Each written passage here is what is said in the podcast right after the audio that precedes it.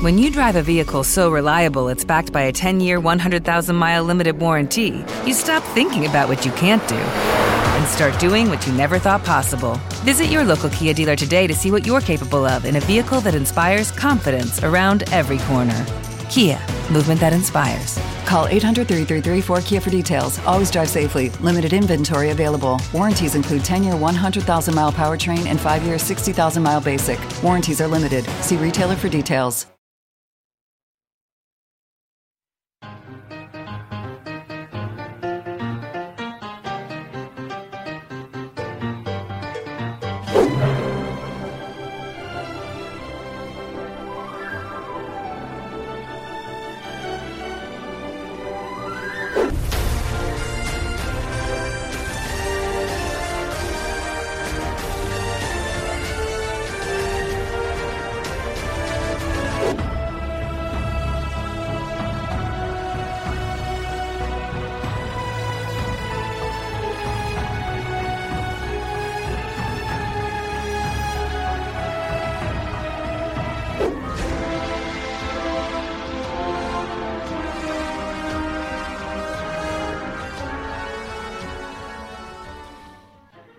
Benvinguts i benvingudes a tots i a totes a Sense Spoiler, episodi 3 de la segona temporada. Què tal, Isabel? Estem aquí amb l'Isabel a la Ràdio Molins de Rei. Hola, què tal? Bé, ens esteu escoltant eh, des de la ràdio, des de Ràdio Molins de Rei, al 91.2 FM, a la web, a Spotify o alguna cosa d'aquestes, inclús, inclús a YouTube. Eh, I avui estem al tercer episodi de la temporada. Què vol dir això? Saps el que vol dir que estiguem al tercer episodi de la temporada? No, no molt. Bueno, és que entrem a octubre, i entrem a octubre, i, i què toca l'octubre, no? Doncs per algunes li toca més la castanyada i a alguns els agrada més el Halloween. Eh, llavors, com sempre, a sense spoiler, decidim que no anirem ni cap a un cantó ni cap a l'altre. Anirem una mica al mig, anirem a parlar del Castawin, eh, la castanyada i el Halloween. És per això que avui parlarem una mica de por, no? Uh -huh. Que la por... A tu t'agraden les pel·lícules de por? Sí o no? Sí, sí, sí. El meu pare, el meu pare també és fan. Eh, Bueno, però abans d'entendre, abans de començar el tema de por, si voleu, eh, retornem a una secció que no ha retornat, és veritat, ens la vam deixar enrere, i és la, la secció que té la Isabel, la de eh, Món Anime.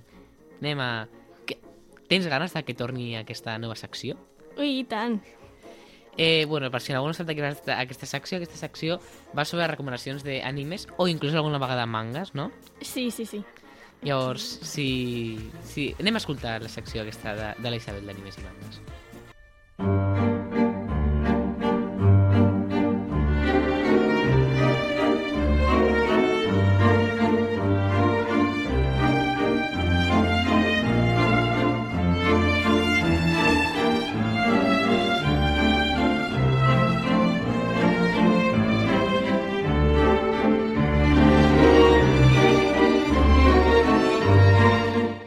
a tots i totes, benvinguts a Mon Anime, el programa on parlem de les millors pel·lícules i sèries d'anime. Avui porto una selecció que no és d'animes exactament, sinó de eh, manhwas barra mangas barra manhwas. Eh, vull començar amb El creador del rei. I tracta sobre Wolfgang Golden Leonard, eh, que és un dels fills de, il·legítims del rei de la monarquia de Northland. Eh, no li interessa gaire el regne i només vol viure amb la seva mare. Però, lamentablement, el rei s'encapritxa amb ell i acaba per eh, incendiar casa seva i assassinar la seva mare gràcies a la màgia dels racs. És una mica fantasia, eh, hi ha màgia, hi ha una mica així de... Bueno. Eh, continua amb Moda Sushi, que en espanyol és eh, el, el gran maestro de la cultivació demoníaca i en anglès The Grand Master of Demonic Cultivation, que tracta sobre com el gran mestre que va fundar la secta demoníaca, Wei Wuxian, va recórrer el món a la seva manera desenfrenada, odiat per milions de caos que va crear. Al final va ser empunyalat per l'esquena eh, per al seu Shidi més estimat i com a resultat és assassinat per poderosos clans que es van combinar per vencer-ho. Eh, és una mica... Eh, està molt bé, també té un live action que ho podeu trobar a um, Rakuten Viki que es diu eh, Los Salvajes. També a la Casa del Llibre podreu trobar eh, els manhwas, que es troben com The Grand Master of Demonic Cultivation i alguns venen amb punts de llibre eh, de cortesia. després ve La bendición del oficial del cielo. Eh, fa que tracta de que fa 800 anys el príncep heredeu de sang pura i noble, Xielien, era un fill de cel ben considerat amb límits il·limitats. Tot i això, qui sabia que després de pujar a aconseguir la immortalitat i convertir-se en un déu marcial que milers de persones adoraven, la seva vida només aniria costa avall. Va ser degradat i va caure a les files fins a arribar al fons. 800 anys després, Xielien ha pujat una vegada més, però aquesta vegada mm, no tenia els seguidors ni cap accent cremat en nom seu. Un dia, quan tornava de recollir les escombraries, recull un jove misteriós i el porta a casa seva. Tot i això, aquest jove en particular resulta ser Hua Chen, l'infame rei fantasma conegut en els tres regnes per poder canviar tant el seu gènere com la seva aparença en obrir i tancar els ulls. És una mica històric, en plan, també Modal Sushi és, són històrics del temps d'avant, i el Modal Sushi i eh, La bendició de l'oficial del cielo tenen la novel·la que està en anglès i la podeu trobar a la Casa del Llibre que costa aproximadament uns 20 euros. Eh, també això, tot això ho podeu trobar en TMO, vale? eh, està a l'aplicació i, uh, i ho podeu també trobar a la web.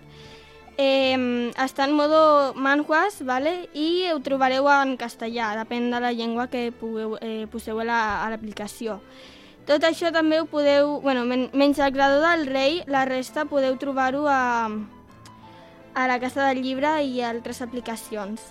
I això és tot. Moltes gràcies per escoltar, espero que us hagi agradat les meves recomanacions i adeu. Moltes gràcies, Isabel. Com sempre, bueno, m'ha agradat tenir de tornar a aquesta secció. Al final, jo que no sé d'animes, doncs m'apunto alguns i, i de, de tant en quant els vaig veient, així per, per tenir una miqueta de, de coneixement de, de l'anime.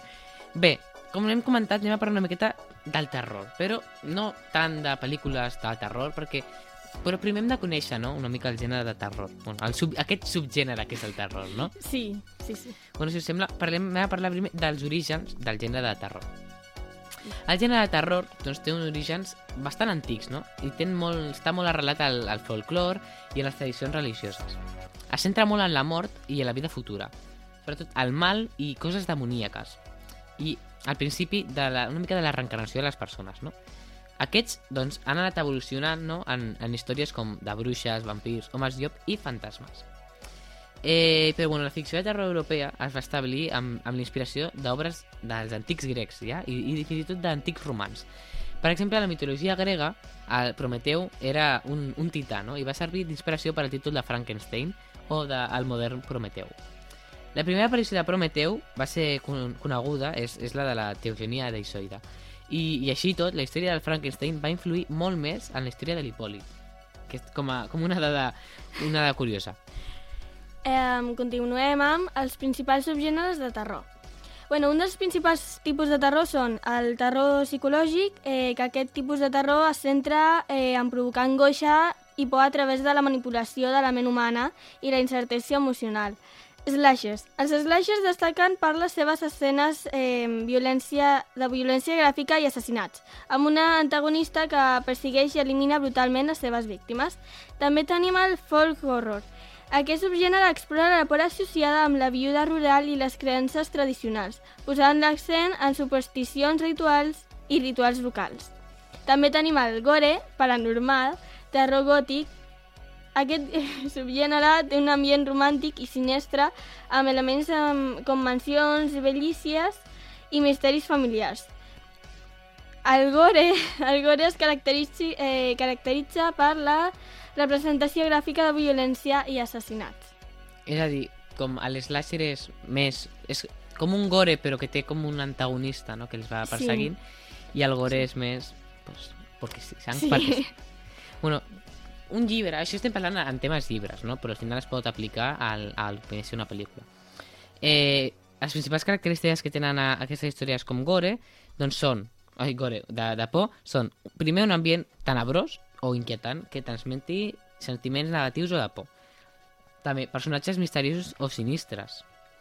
Suspens i successos sorprenents, sense explicació o amb una explicació no immediata ni literal. I també té successos i esbenediments que pues, portin al sentiment de por, al final, no? que, és, que és el que busca Clar. una obra de por. Bueno, els, uns dels principals autors de llibres, per exemple, són el Lovecraft, Edgar Allan Poe, Stephen King i Bram Stoker. Que bueno, Edgar Allan Poe, la veritat que els, els llibres estan bastant bé i és, una, és un poc com més... Eh, bueno. I també uns dels principals llibres de terror és Dràcula, El Resplendor, El Gato Negro, que cal eh, recalcule que és d'Edgar Allan Poe, Eso i el, el Traje del Muerto.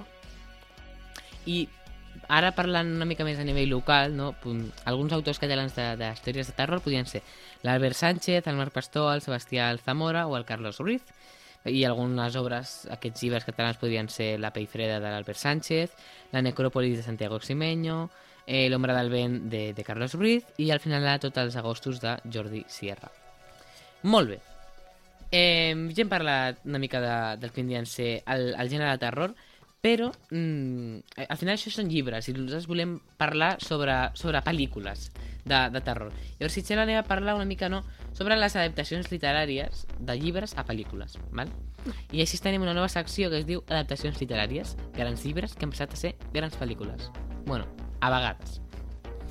Bueno, aquesta temporada, ja comencem una miqueta tard, tenim una nova secció on parlarem de llibres que s'han adaptat a la gran pantalla amb més o menys un, un èxit de públic i de crítica.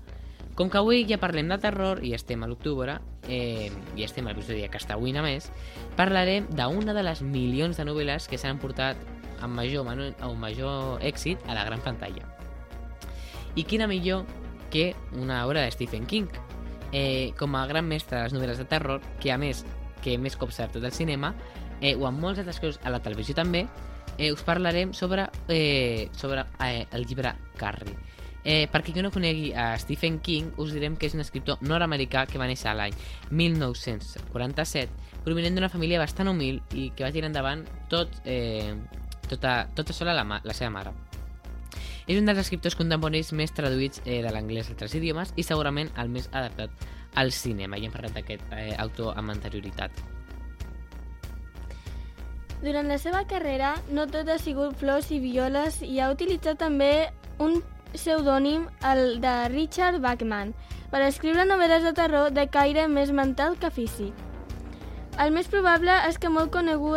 molt, molts conegueu la novel·la It, a sense spoiler n'hem parlat, que podria ser la més famosa a nivell de diverses generacions, ja que es va portar al cinema al 90 i al 2017 i 2019 es va tornar a portar a la gran pantalla. Però avui no, parlem no parlarem d'Ait, sinó a la seva primera novel·la, la que ell va consagrar com a escriptor. Li va permetre veure que podia deixar de ser només un professor d'anglès i ser també un escriptor de novel·la de terror d'èxit. Aquesta primera novel·la, com ja he comentat, eh, es va ser portada al cinema, eh, es diu Carrie i va ser publicada l'any 1974, eh, si invertim una miqueta els números de la seva data de naixement, i ja s'ha portat al cinema l'any 1976. En realitat, no és la seva primera novel·la, ja que ja n'havia escrit unes altres tres, però sí que va ser la primera que li van publicar i la, la que li va fer una miqueta, diguem-ne, famós. Eh, diuen que és una de les novel·les més censurades a les escoles americanes i, segons el propi Stephen King, va basar el seu personatge de la Carrie en dues companyies d'institut que havien anat a classe amb ell. Una d'elles, com la Carrie, té una mare fanàtica religiosa que la controla. La part afegida que no té relació amb la realitat són els poders psíquics de la Carrie, que al final són els que provoquen la destrucció total del poble de Chamberlain, a Maine. Aquesta pel·lícula també s'ha fet un remake en l'actualitat. El 2013 es va fer una reversió de la novel·la i pel·lícula original protagonitzada llavors per la Chloe Grace Moretz i adaptada als seus nou temps ja que els companyes, els, les companyes que riuen de la Carly i li fan bullying Ara compten amb telèfons mòbils i xarxes socials per extendre la burla dins de l'institut. I vosaltres, heu vist aquesta pel·lícula? Coneixeu algú, alguna Carrie en el vostre entorn? Jo sí que he vist Carrie. No he llegit el llibre, però sí que he vist Carrie. Tu l'has vist? Eh, no. Eh, bueno, després parlem una miqueta més, més endavant de, de Carrie. Tu coneixes algun, algun llibre que s'hagi fet pel·lícula eh, en ambient de por? Que tu hagis llegit el llibre o hagis vist la pel·lícula que s'ha adaptat d'un llibre de, de por? És que si jo veig una pel·lícula de, de por, no em centro si té llibre o no. O sigui, no, no sé si té llibre o no. Eh, bé, doncs, si et sembla, anem a parlar, ja que estem aquí parlant de por, de pel·lícules, anem a parlar d'una cosa molt interessant, i és eh, sobre les escenes ic- icòniques, no?, que té, que té a... que tenen els llibres aquests eh, aquestes pel·lícules de por. Segur que coneixes alguna. Comencem amb Carrer que és l'única que no hem pogut tenir un àudio actualment però sí que és la típica escena. Oh, important, important. A partir d'ara aquest episodi conté spoilers. Vale? Així, ja s'ha dit, sense spoiler contenim spoilers, perquè parlarem d'escenes que contenen spoilers.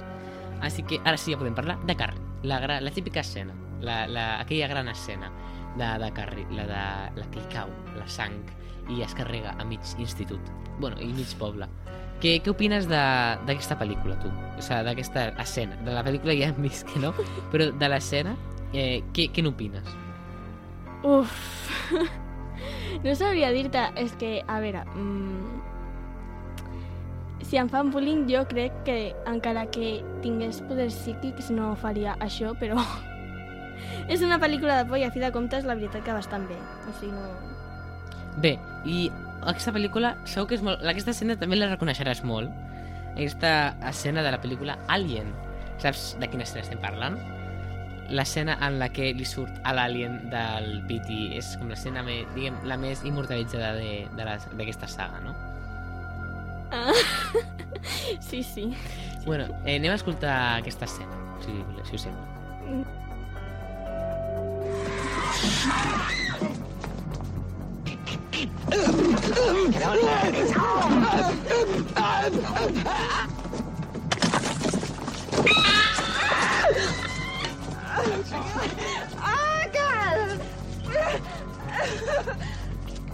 Bé, com ara, ara quan s'ha sentit el oh god és perquè ha nascut a l'alien aquest, val? No, que l'alien ens està mirant encara de mare meva. I mira que és un àudio. No, però... mira que és un àudio. Eh, bé, t'has vist aquesta pel·lícula de Alien, El octavo pasajero? I mira que no és la última pel·lícula, és la primera. No. Ah, la, bueno, menys mal que la- les d'endavant sí que ja, ja les has vist. Però... Però bueno, a- aquesta pel·lícula... Eh, bueno, aquest, aquest efecte no, va sorprendre molt eh, quan, quan es va estar aquesta pel·lícula i sí que és la, la part que és més s'ha immortalitzat no, de- d'aquesta cinta que al final a part és l'única part que, que coneixies no, de- d'aquesta cinta Sí, sí, sí. Eh, bé, i si, si semblen et deixem presentar la següent que ets un- tota una experta d'aquesta pel·lícula Scream. La primera, la primera pel·lícula de Scream, no el, la recuela que van fer fa poc. Jo vaig veure la... la és a dir, van fer una recuela. Que, què és una recuela? Anem a... Saps que és una recuela? No crec. No. Crec que ningú que estigui escoltant això sap el que és una recuela. Pues és un remake seqüela.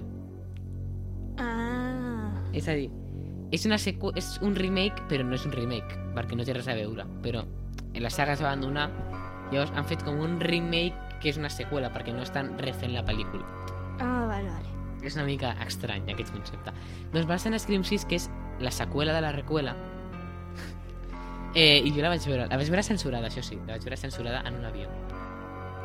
Estava censurada, o sigui, hi havia escenes que, que no es mostraven. Però sí. Ah. Bueno, eh, aquesta gran escena, el, la, si et sembla, l'anem a escoltar. L'escena típica, la primera escena de la pel·lícula, en la que la Cindy rep una trucada.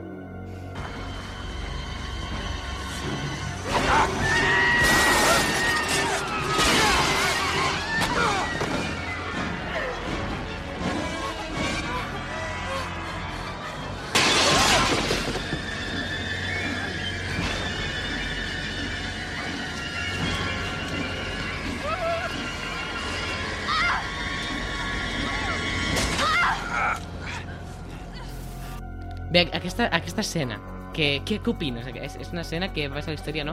Sobretot per l'inici, no tant la part que m'ha escoltat, que és la del final... Bueno, expli explica tu al, al final, si vols. Eh, no sé, per mi aquesta escena em va causar una mica de gràcia. no sé. És que... Ens mira encara de... "Mm, Vale, sí. És que rep una trucada. Oh, ¿quién será? Cuelga. La, eh, ve l'assassí. la persigueix, no sé què, ala, la mata. Però Em va causar gràcia. una cosa que t'escrip és que quan, quan els descobreixen són molt tontos els assassins. Sí. És a dir, quan no són superprofessionals, però al final són molt, molt idiotes i els acaben pillant. Sí. Bueno, la següent pel·lícula, no sé si l'has vist, és una adaptació que es va fer de, de, del, del cinema asiàtic, i és la pel·lícula de El Aro, la típica, bueno, veurem la típica escena en la que surt sa mare, la del, la de l'Aro, de la sortint de la tele, aquesta típica escena que tots reconeixereu de la pel·lícula del, de l'Aro. Ah, sí, sí, sí.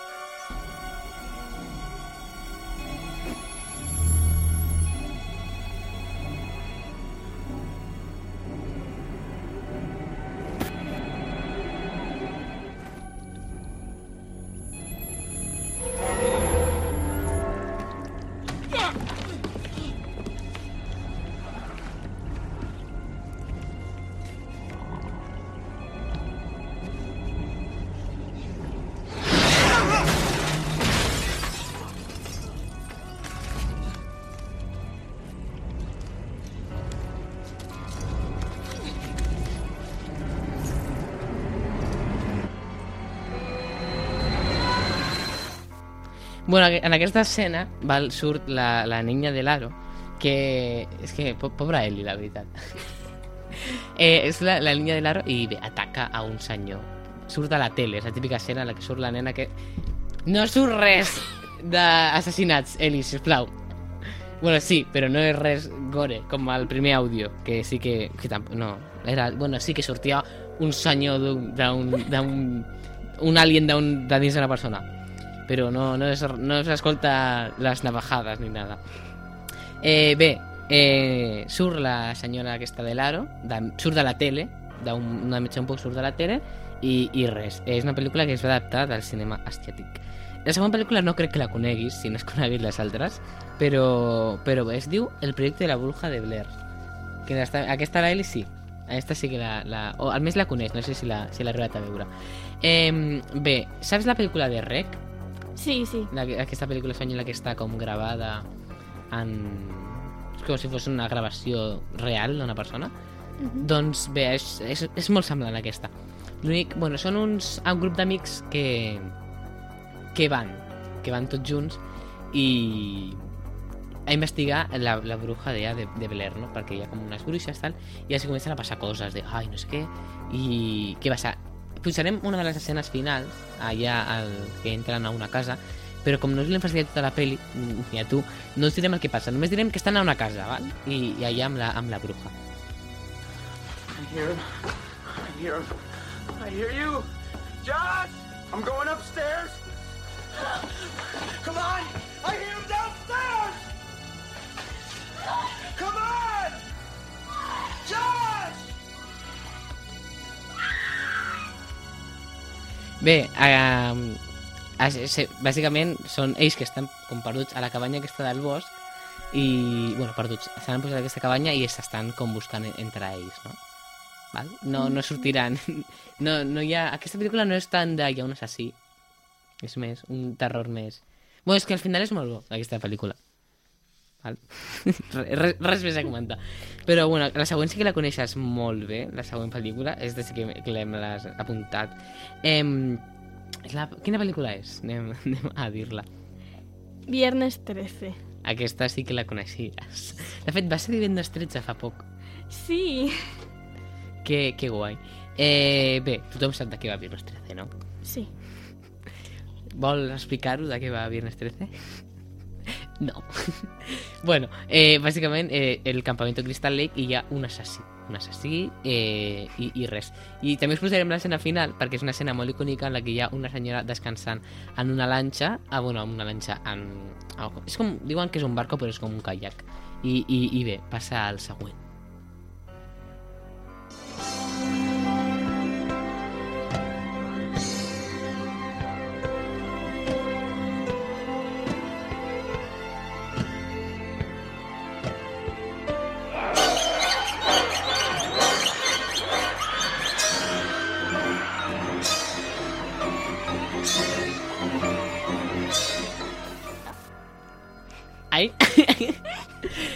Eh, bé, per si algú no sap el que ha passat, just el que m'ha explicat l'Eli, eh, està al, al caiac aquest i de cop i volta surt el... Bueno, la història del Jason és que la- s'ha ofegat, no?, com al campament, i just surt al cos i fa... Fra! I se... Ah, s'emporta la noia, que és el que hem escoltat, que estava la musiqueta i s'escolta... Fra, fra, fra, fra. És perquè agafa a la noia, al, al Jason. La següent pel·lícula també la coneixes molt bé. Ah, sí, aquesta sí. Quina és? Ens sabies explicar, fer un petit resum o no, de la pel·lícula que parlarem ara? Et sé dir algunes parts. Doncs, Però és que... anem- a... De fet, aquesta declaració d'Ispe, si vols la comentem, la pel·lícula. Vale. És la pel·lícula de It. Què et va semblar? A mi em va agradar molt. A mi també, però va ser molt random al principi. Tu quina És versió que- has vist? Perdó. La, la, que és, va ser una sèrie de televisió i que es va juntar com a pel·li? O la del 2017 i 2019? Que són dues parts diferents. Ni idea. Vale. Quin, quin pallasso tenies? Bàsicament. Què? El pallasso de It, quin era? Era aquest que era com, com el roba la cara? O el que és com més cutre, així? No, l'altre, l'altre. Vale, vas, dir, vas veure la del 2017-2019. Vale, això és una adaptació del llibre de Stephen King. Es va fer primer una sèrie de televisió. Eh, els efectes són molt cuts. O sigui, ara si els veus ara dius, uh, que cutre. Però per la seva època estaven bastant avançats. Llavors tu has vist la, la pel·lícula de la nova. Per cert, està doblada al català. La vaig tornar a veure i estava doblada en català. A Netflix la podeu trobar en català. Ah? Molt interessant. Eh, molt random. Per què vas considerar molt random a l'inici d'Ait? Eh, si jo fos el nen, no, no, no aniria a agafar el, el, la cosa de paper, o sigui, no. I menys si me dice un payaso que lo coja. Consell de la Generalitat de Catalunya. Si mai us trobeu a un pallasso a dins d'una alcantarilla, no poseu el braç. No, por favor, no. Consell de la Generalitat de Catalunya. Bueno, eh, posem a l'escena, típica escena, aquesta sí que és adaptada de la pel·lícula, de la sèrie. Eh, anem a escoltar-la. Està censurada, ella.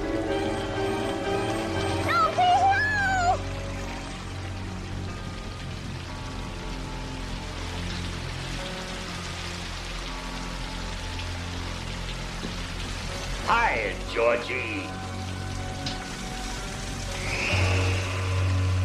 to say hello? Oh, come on, Bucko. Don't you want a balloon? I'm not supposed to take stuff from strangers. This? My don't! Exactly. Go on, kiddo. Take it. Oh, you want it, don't you, Georgie? When you're down here with me, you float too! Tothom sap com acaba aquesta escena, no? Vale, no sap anglès i no vist la pel·li, se s'explica en tot l'inici de la pel·li, eh, el nen aquest, eh, el seu barquito, doncs va a l'alcantarilla se li cau i es troba un pallasso i li diu, eh, mira, que tengo tu barquito. I diu, yo quiero mi barquito. I diu, no, no, marxa, marxa, dona igual. I diu, ah, no, no lo quiero. I llavors eh, posa la mà i se la menja, bàsicament. I després eh, se l'emporta dins, perquè com diu, you will float too, tu també flotaràs. Bé, què et va semblar la segona part d'It, It 2, It capítol 2? Tu que la vas veure com, com, com separada. Eh, que és, és, al final és el, com ho, ho fan que ells són ja més grans, no? Eh, que et, et va agradar? Sí, molt bé. Em, no sé si... Tu no crec que hagis llegit el llibre d'It? No, no, no he tingut l'oportunitat. Bé, eh, a, a mi em va agradar l'adaptació. He vist, he vist totes les versions. M'he llegit el llibre, he vist la minissèrie, he vist el llibre, he vist la, la pel·lícula del 2007, la pel·lícula del 2019, i saps que faran una, una sèrie? Uh, bueno, si no sabeu, HBO pujarà de preus, val? no se sap encara quan arribarà a Espanya, eh, i llavors passarà de ser HBO Max a Max, només. Eh, què passa amb aquesta pujada de preus? Inclourà nous continguts com podrà ser la sèrie Welcome to Derry, Bienvenidos a Derry, Derry és on passa el, la història de It. Eh, així que res, mm, si vols anem a per una pel·lícula que serà curtet, serà curteta perquè ningú dels dos l'hem vist, però sí que si et dic l'escena segur que la reconeixeràs, així que no direm el nom de la pel·lícula, anem a posar l'escena i ja us dic que sabreu quina és.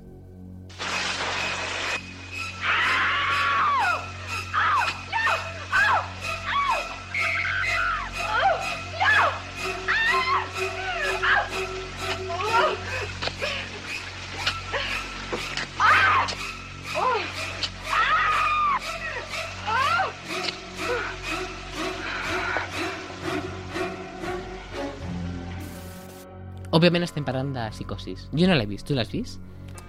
No.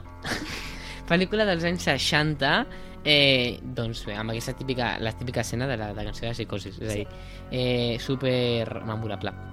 Una pel·lícula també del gran autor que hem estat comentant eh, aquestes... Està comentant avui i és eh, dels mismos Stephen King és la pel·lícula de El Resplandor The Shining, eh, també basada en un llibre eh, que té l'adaptació també cinematogràfica de El Doctor, es, Doctor Sueño que l'has vist aquesta pel·lícula? Sí. Jo, jo no l'he vist, mira, mira el que diré, no l'he vist, eh, però sí que... És a dir, no l'he vist sencera perquè sí que és molt, molt lenta. He vist paròdies de Los Simpsons, resums, eh, inclús crítica d'aquesta pel·lícula. Eh, té moltes escenes memorables, no? Podia ser la de l'ascensor Sí, per o la de les gemelas, Red Room, També. el d'esto. Però, sens dubte, l'escena icònica, l'escena més icònica del Resplendor, quina és? Se- Eh. Segons la teva opinió, eh? A veure si aconsegueix amb la de la meva. Eh, la de... Ai, que no em surt la paraula. La de la hacha, no? Sí. Que, ai, ara buscarem, quan posem l'escena, buscarem com és hacha en català. Eh, estem parlant de l'escena de la hacha del Resplendor.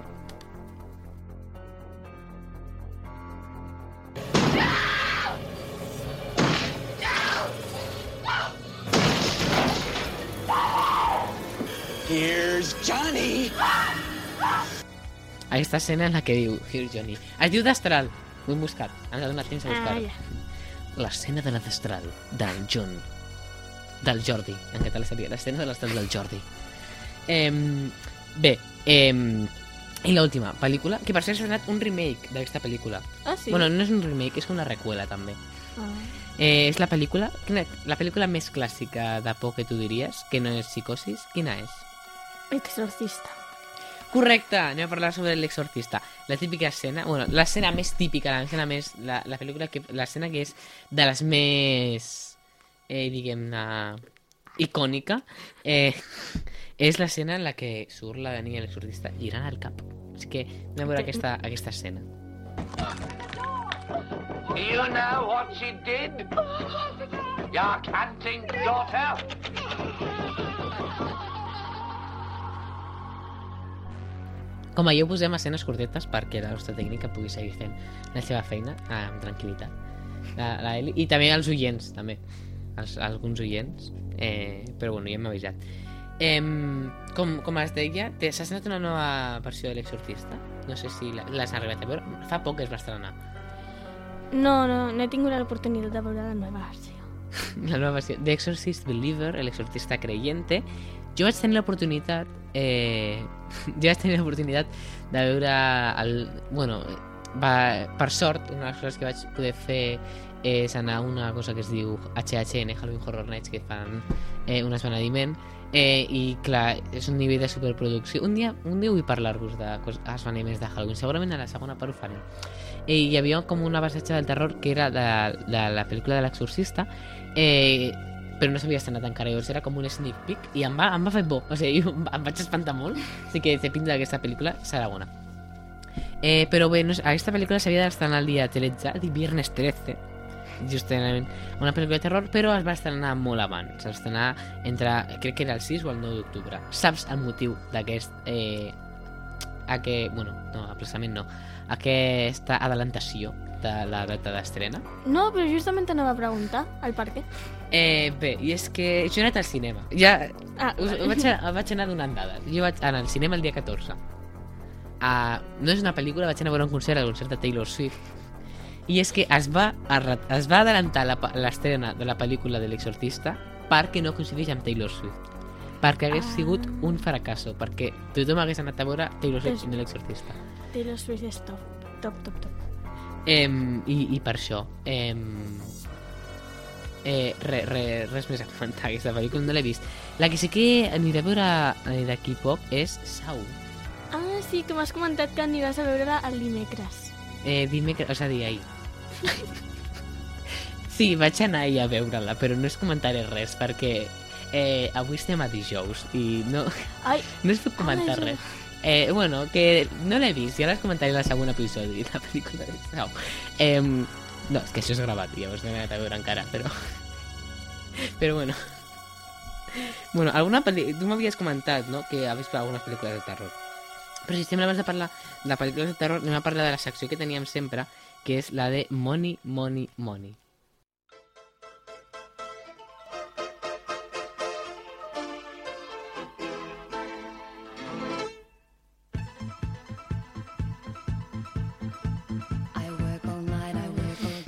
Seguim repassant quines han estat les pel·lícules més taquilleres de cada any aquesta setmana, des del 1955 fins al 1959, en aquest quin, quinquenni trobem dues pel·lícules bíbliques bíblico-romanes, dues de la Segona Guerra Mundial i només una llargometratge dels nostres amics de Disney. Al 1955 la pel·lícula més taquillera va ser La dama i el rodamón.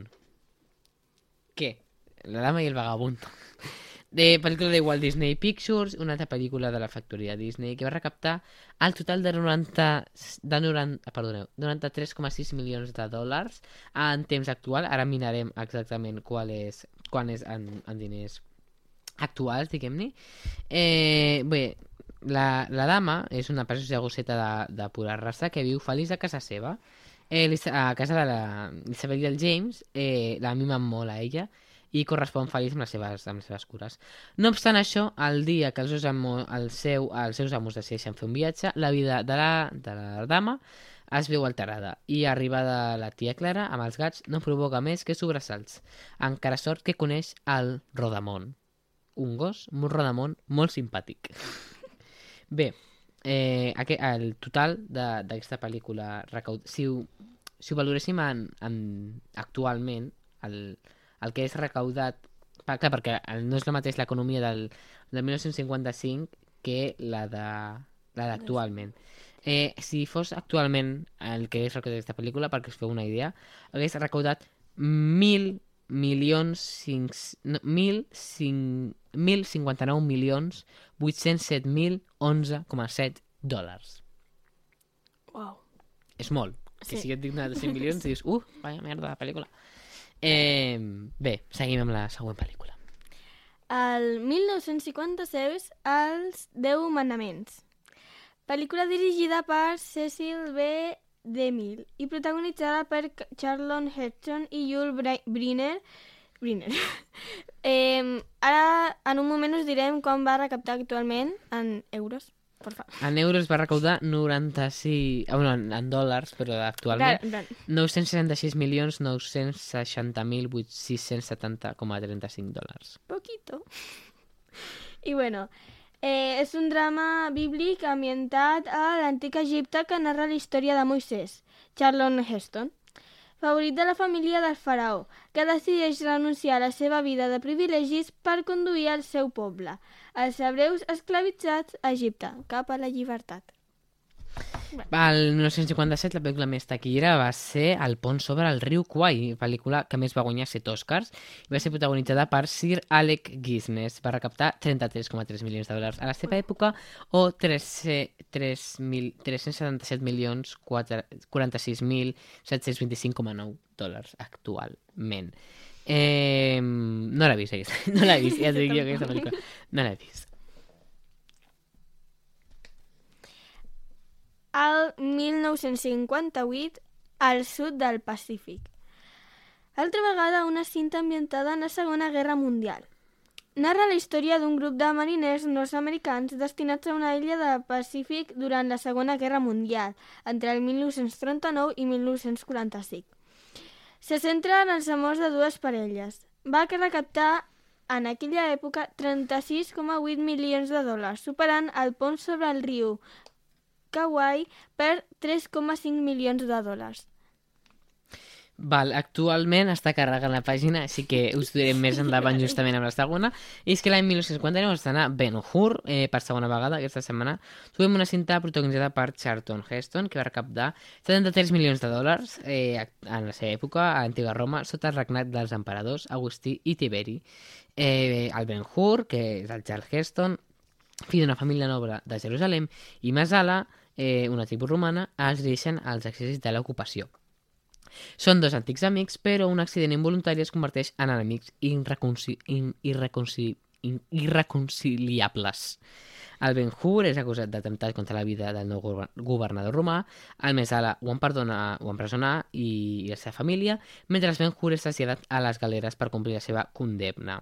Un home, ah, i mentrestant, un home anomenat Jesús de Nazaret se n'apiada i li dona de beure.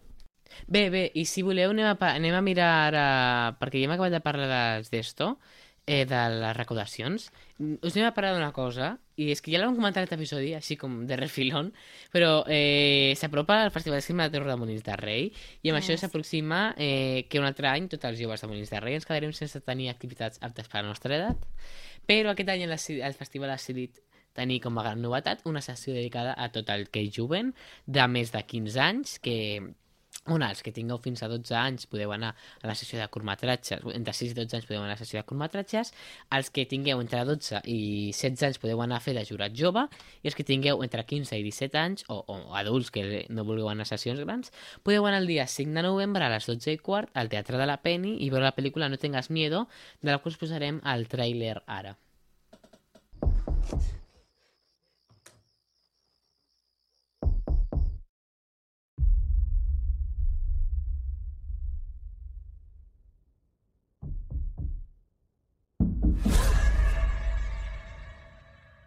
Tranquilo, era solo una pesadilla.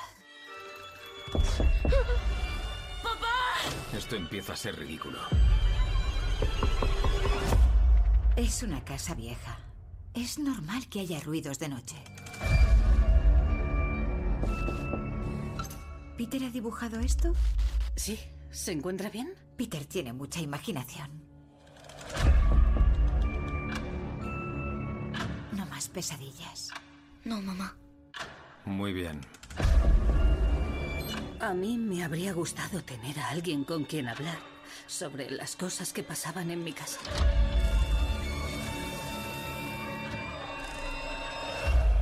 ¡Mamá!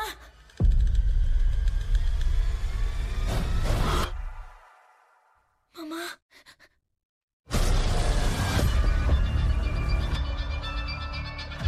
Peter, a veces hay que tomar decisiones difíciles para proteger a tu familia. ¿Qué es eso? Esos golpes. ¡Peter! ¡Basta! ¡Ya basta! No oyes nada, Peter.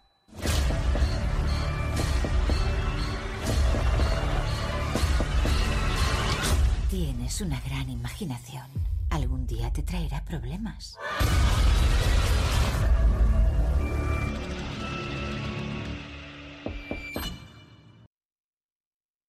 Què t'ha semblat aquesta pel·lícula, aquest, aquest tràiler de la pel·lícula? Tu, te, eh, què t'ha semblat? Opinions, opinions. T'ha fet por? Hombre, una mica. Els cops inquietants una mica inquietants. Sí. Eh, T'agradaria anar a veure aquesta pel·lícula, tu, com a, com a jove que no vol anar a una sessió... bueno, que no vol, per exemple, anar a la marató de 16 hores que fan? Sí, aniria a veure-la. Té algun cost? Sí, l'entrada tenen un cost de 3 euros, més 50 cèntims ja es, ja es, els compreu a la seva web, eh, però també aquest any la sessió de curtmetratges de 6 a 12 anys també té un cost d'un euro de donatiu a, a una associació. Eh, és a dir, que igualment per totes les activitats s'haurà de, de tenir cost, excepte les manualitats i els tallers que són, són gratuïts. Eh, bé, per anar a pel·lícules de por, si Xeran va comentar una pel·lícula eh, dels anys 80, un slasher, eh, que va ser una revolució en, el, en la seva... En, en el seu moment. Ja ho va ser divendres 16 i era, mira que era un assassí, doncs imagina't si en comptes de ser un assassí que et persegueix, és un assassí que et persegueix als somnis. Estem parlant de Vie Pesadilla en Elm Street. Has vist aquesta pel·lícula? Sí. Què n'opines d'aquesta pel·lícula? Et, uh, et va agradar? Et va fer por? Vas, vas notar que els efectes eren cutres, en diferència de... Eh, què, què, què, quina és la teva impressió general d'aquesta pel·lícula? De, de Pesadilla en el Street. Eh, doncs bé, la tornaria a veure perquè la vaig veure i així, entonces no me'n recordo molt bé, Però... És segundo plano. Sí. Bueno, sí que l'escena final es nota molt que Bueno, si no us recordeu de l'escena final, no l'hem posat al top perquè és molt difícil d'il·lustrar, però mm, és com que la mare està allà i de cop i volta surt una mà i se l'emporta, però es nota que és un muñeco.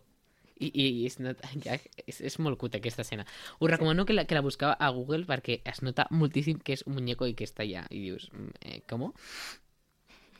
Em, però bé, al final ja, diguem-ne, l'argument de la pel·lícula ja és de bastanta por, no? Al final Sí, al final... un assassí que et persegueix als somnis i que no pots mm, fugir d'ell de ninguna manera és miedós. Sí. I a més, bueno, no sé si saps, saps el lore, no, d'aquest personatge? Sí, sí. I el del el ganxo, i el fet de que es pot transportar al teu món real, el fet de, per exemple, que el que passa als somnis, no? Eh, que si te rajo en el sueño apareix rajat o, o, o es mor al, al somni no, al final, i, i la típica escena també que també era molt difícil d'il·lustrar la que està ahí al lavabo i surt la garra de Freddy perquè està dormint Ah, sí. també molt molt inquietant. Eh, llavors si et sembla anem a també a escoltar a la nostra companya la Berta que, que ens oblidem de posar el son a Twitch així que ane- anem a posar-lo. Vale, vinga, va.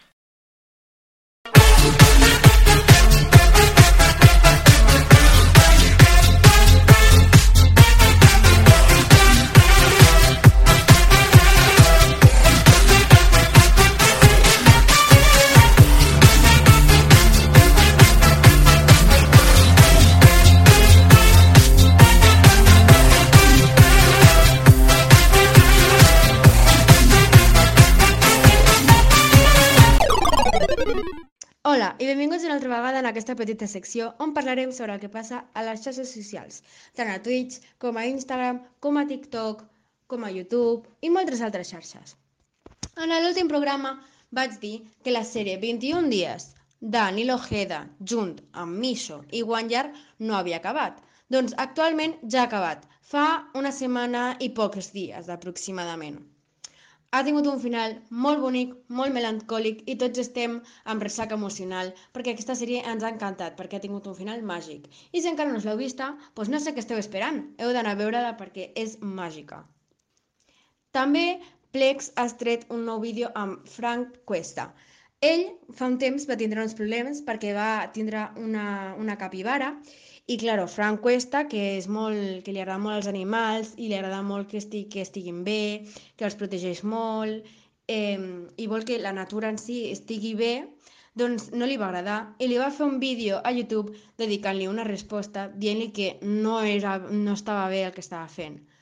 Llavors, el Plex va decidir donar la capibara al, al, a Frank Cuesta perquè ell el cuidés, perquè, claro, com té tants animals, tanta experiència, doncs ell el cuida molt bé. Doncs, amb un vídeo, eh, van estar com una setmana junts al, a on està Frank Cuesta amb els seus animals i allà tot el seu bosc, i doncs, van fer diverses sèries i, i bueno, doncs, se van passar molt bé i es van reconciliar i es van perdonar tots els problemes que van haver.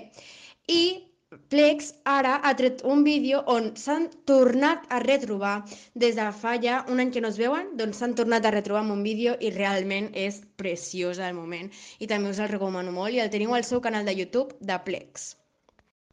Auronplay ha tret la segona part de Minecraft Extremo 2, com vaig l'última vegada, però ara ja ha finalitzat. Ja ha acabat aquesta sèrie, ha tingut un final impressionant, superbonic, i us el recomano molt veure-ho. Per què? Perquè és una sèrie tan divertida que a cada capítol et riuràs 100%, està garantitzat. El mm, youtuber, streamer que tu vegis, és que a cada capítol et riuràs. Te la recomano molt perquè, a part de ser molt divertida i molt entretinguda, és una sèrie que, que dona mm, tants, a vegades, sembla que no, però dona tants missatges tan bonics que us la recomano molt perquè és que és molt bonica. Però això també us dic, si no us heu vist Minecraft Extremo 1, primer veieu-vos a Minecraft Extremo 1 i després Minecraft Extremo 2, perquè vulguis o no segueix una història. I fins aquí aquesta petita secció, espero que us hagi agradat molt i ens veiem a la pròxima setmana. Adeu! Bé, i també una altra pel·lícula que m'havies comentat que t'va agradar molt amb el tema por és una pel·lícula eh, que està dins de l'univers Warren, o com dic jo, l'univers Warro. És el, el, eh, la, la pel·lícula d'Annabelle. Ah, sí. Jo soc me... Tu ets Team Annabelle o Team Chucky? Annabelle. Jo soc Team Chucky, ho sento, ho sento, eh? a mi m'agrada molt més. Però bueno, eh, què, què, què et va semblar aquesta pel·lícula de, de por de Annabelle? Què, què, què hi recordes? Què, què és el que més et va agradar o què és el que més et va sobtar? A mi em va agradar, ara, com era petita, bé, en plan així, Edat. més... eh, eh, pe- doncs pensava, en plan, ¿y por qué no tiran a la muñeca por la ventana y ya está, o la queman? Tenint, però tenint en compte que és una... mm, Un demonio. Una, sí, pues como que no. Pero eh, la película em va agradar y era muy... Uf, ¿qué va a pasar? Porque de eh, aparecía ahí la muñeca y decías, ¿qué es esto? Sí, no? És... Al final, històries de, de ninos, no? Pues, si no et fa por, doncs al final és com, vaya muñeco este.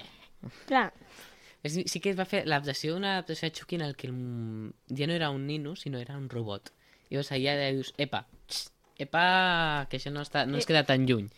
Un robot que, a més, era que li posava un virus al programador. O sea, no és la pilla un demonio, era... Ah. Al programador le pongo un virus i es comença a carregar gent. Ah, així que res. Però bueno, seguirem parlant de por, seguirem parlant de por, però ja serà d'aquí dues setmanes, eh, o d'aquí una prenda depèn de quan esteu escoltant. Seguirem parlant de por, així que res.